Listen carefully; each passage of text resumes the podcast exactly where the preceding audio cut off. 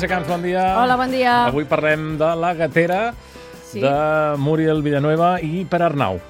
Ah, ui, molt ben dit. Veus que El bé? Pere Arnau m'has deixat ara molt parada. Molt- Molt Per Arnau. És La gatera, que és un llibre sorprenent, i a més a més, quan vaig veure la portada, el primer que vaig fer va ser pensar en la Montserrat. Ho sé, perquè jo no valoro la, cap qualitat de cap disc ni cap llibre. Només si surten gats a les portades ja els compro directament. És que t'agraden tant, i És una monada. és preciós. Sí. Res, només per això vaig llegir La gatera, que fort. No? Molt bé, sí, sí, però al final va passant d'una sorpresa Sí. en el seu interior. No, ara parlant seriosament, el vaig llegir el llibre perquè és el- l'últim premi eh, Just, Maria, Just M. Casero i vaig pensar que valia molt la pena llegir-lo. I com us dic, em va sorprendre. Per què? Perquè sembla al principi la història de, senzilla d'una noia doncs, que inicia... A veure, us ho explico bé. És una noia que hereta dos pisos a Barcelona que són contigus.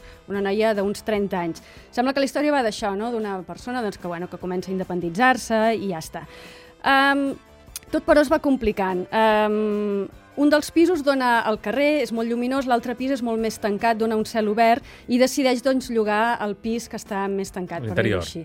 Sobtadament se li apareix un noi que ella, ella no ho havia anunciat encara que el volia llogar i se li apareix un noi i li diu que el vol llogar. Ah.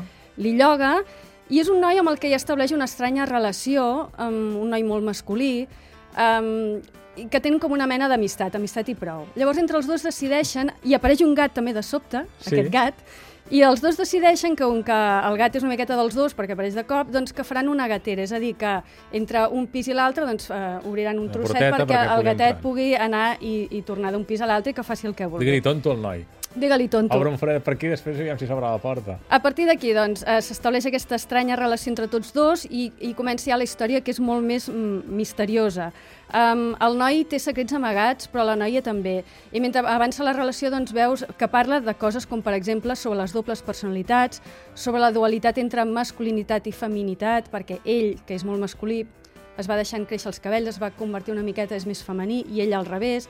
Parla de la realitat i la ficció, de la vida i la mort. Per tant, aquesta gatera és la metàfora d'aquest eh, pas que podem fer d'un cantó a l'altre, d'aquesta dualitat. No us vull explicar massa cosa més, No, perquè perquè el que són vull és que... 149 pàgines. És curtet, es llegeix ràpid, però vull que hi aneu entrant com jo i que us aneu sorprenent. Això, com a mínim, ho espero. Doncs eh, segur que quedarem ben sorpresos. Sí. Dic que l'edita Amsterdam Llibres Mhm. i que, a més, és d'aquests llibres de, de llegir a vegades, dius, entre Sí. el viatge al tren, Ah, no, exacte, és molt de al tren i realment passa l'estona, els tres quarts d'hora que jo vaig amb tren cada, cada dia, me'ls vaig passar llegint la gatera el moment. rapidíssim. Doncs res, gràcies per la recomanació i. Montserrat, ja ho saps, eh, a cuidar gats també. Me'n vaig, que tinc feina. En tinc Vale. dues. Molt bé, adéu.